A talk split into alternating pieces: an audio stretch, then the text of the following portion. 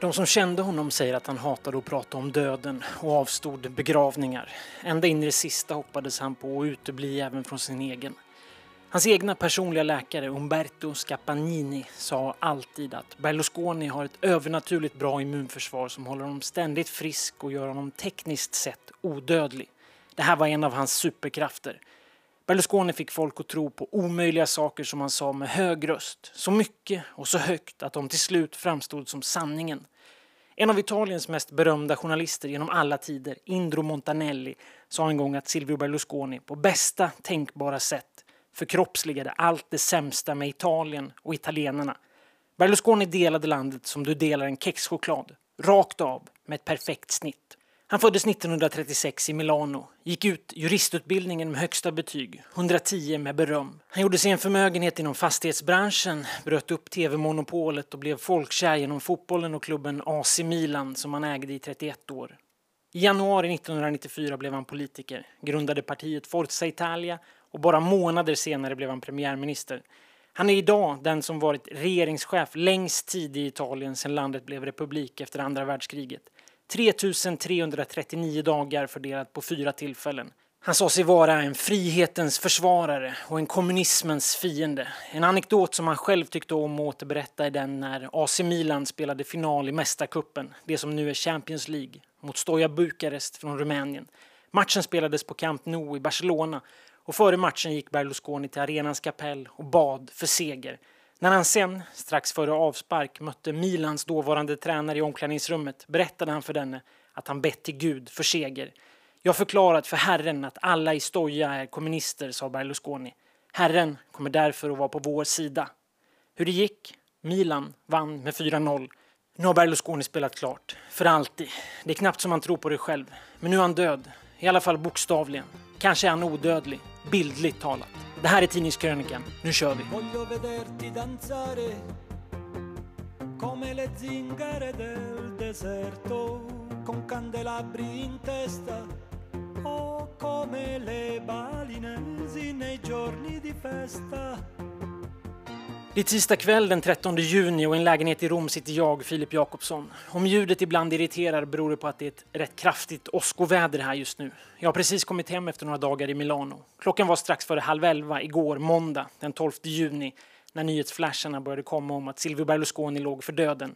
10.33 såg jag att nyhetsbyrån Ansa, Italiens motsvarighet till TT, bekräftade Berlusconis död.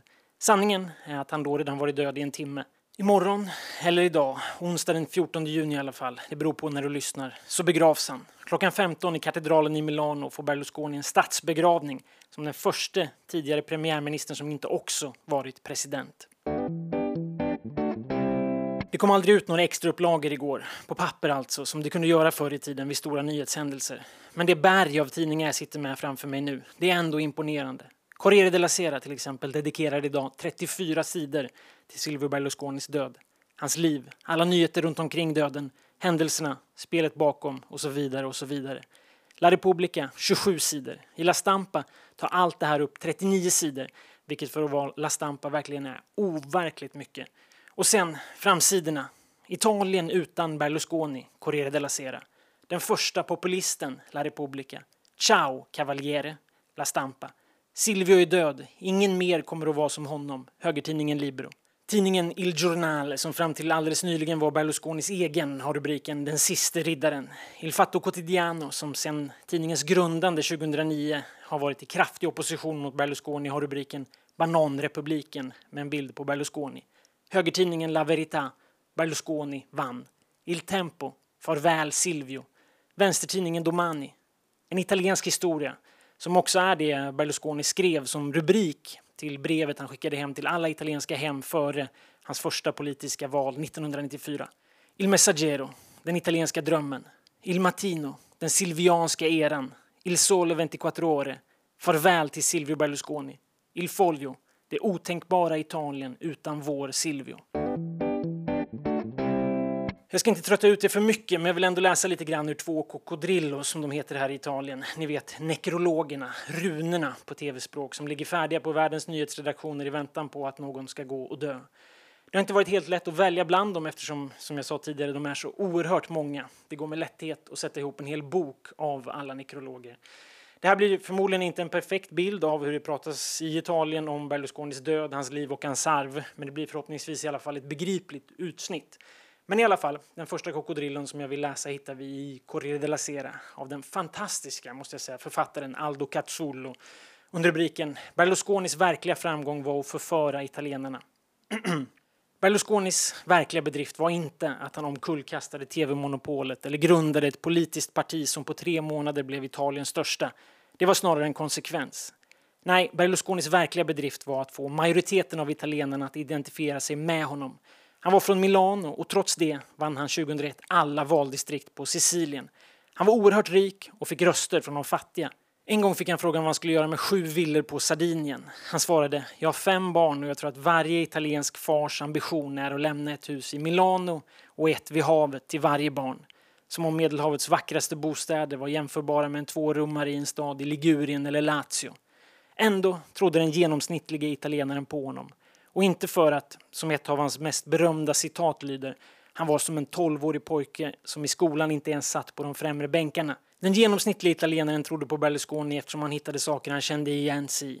Misstron mot vänstern, staten, Skatteverket, domstolarna, de politiska partierna och etablissemanget som Berlusconi trots sin rikedom och makt inte tillhörde, åtminstone inte till att börja med. Någon påpekade att hans största intressen sammanföll med majoriteten av italienarna, fotboll och kvinnor.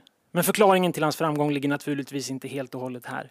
Men majoriteten av italienarna delade Berlusconi en djup misstro mot politiken mot regeringarna, oavsett vilka de var. Han sa, andra mår dåligt i tider av kris. Men för mig är det den tid då jag känner mig mest fri. Samtidigt representerade Berlusconi även italienarnas rastlöshet, energi, intolerans mot regler. Vänstern vet bara hur man pratar om dem, brukar han säga, och förmågan då att göra sig till företagare. Andra ledare, självklart Mussolini, men inte bara han, har velat förändra italienarna. Berlusconi, han gillade italienarna som de var. Han uppmuntrade oss i våra dygder och våra laster. Att offentligt kräva det som med Kristdemokraterna gjordes i hemlighet privat och genom att uppmuntra oss förändrade han oss mer än vad 20 år av fascism gjorde. Sångaren Giorgio Gaber förstod det allra bäst. Han sa, jag fruktar inte Berlusconi i sig, jag fruktar Berlusconi i mig. Men vänstern, som vanligt, förstod ingenting.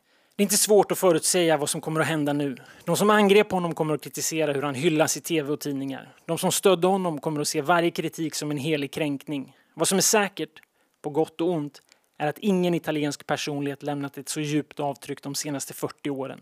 Han har genom årens lopp identifierat och pratat om många arvtagare, nästan alla lika osannolika. Naturligtvis kunde han inte ha någon, också för att han i grunden inte ville ha någon. Men även efter att hans långsamma nedgång inletts lyckades inte vänstern fylla tomrummet. Istället kom Salvini och sen Meloni. Den andra krokodillen jag vill läsa lite ur är skriven av en av Berlusconis största kritiker, Ezio Mauro, som under nästan alla år som Berlusconi var en ledande politisk figur var chefredaktör för vänstertidningen La Repubblica. Rubriken är Farväl till populismens pionjär som levde tre liv. Han sökte odödligheten i varje ögonblick av livet. Kanske framför allt i kulten runt honom själv. Som om myten om ledaren kunde generera odödlighet och utövandet av makten kunde garantera den. Men även Berlusconi var till slut tvungen att ge upp. Med honom dör också berlusconismen. Han tog makten och gjorde allt med den, utom att skapa sig en arvinge. Det var så allt var planerat från början. Det var bara han som kunde tolka folkets vilja och folkets önskningar.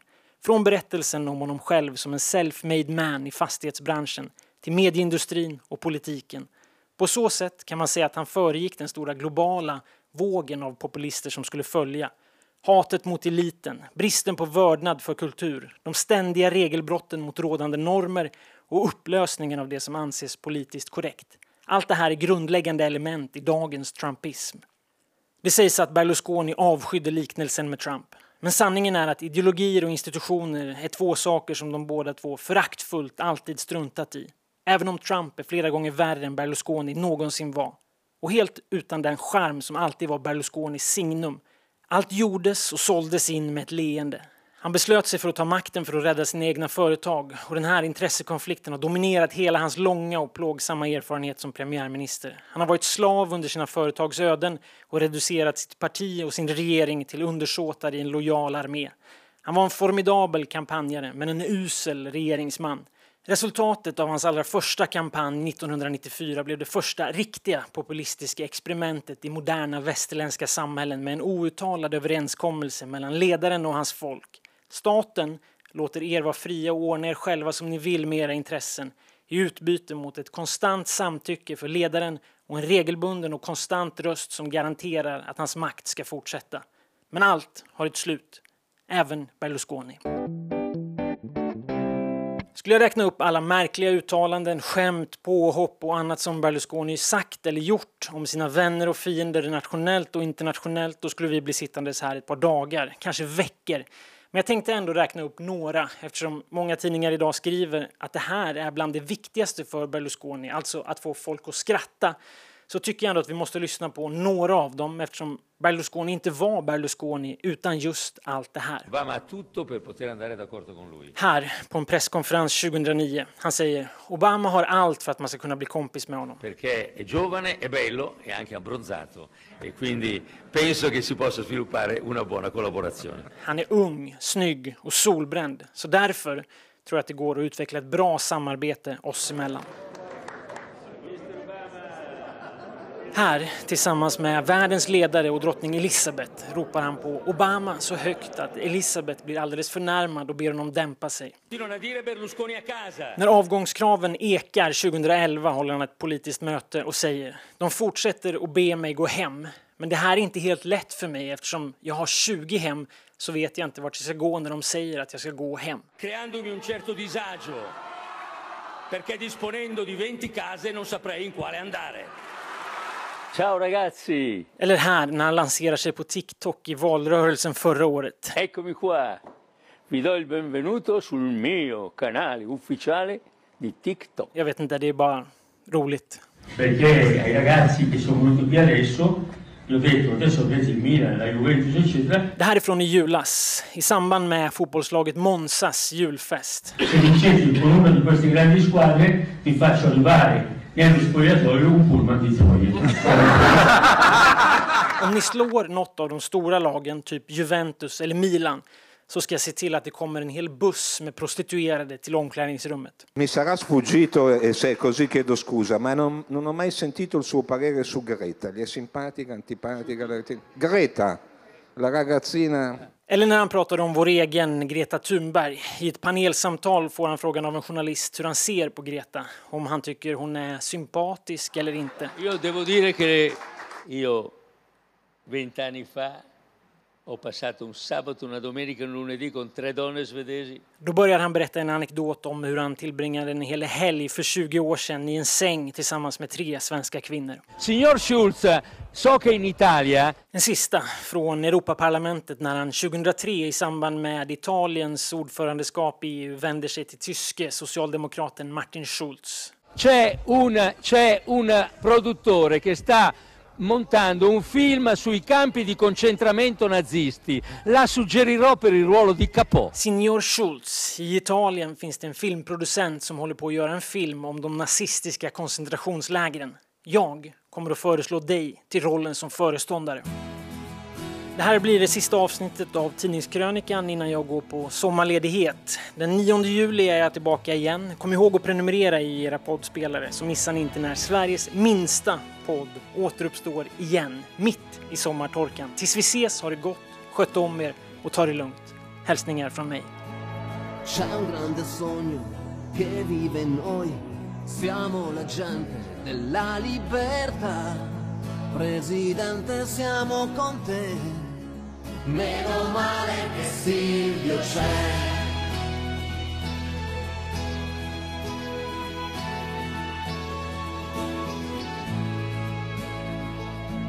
Siamo la gente che ama e che crede, che vuol trasformare il sogno in realtà. Presidente, siamo con te, meno male che Silvio c'è.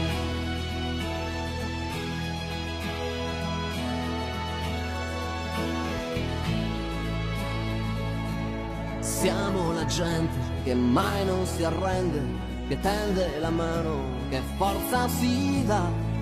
Presidente, siamo con te. Meno male che Silvio c'è. Viva l'Italia, l'Italia che ha scelto di credere ancora in questo sogno. Presidente, siamo con te. Meno male che Silvio c'è. Presidente siamo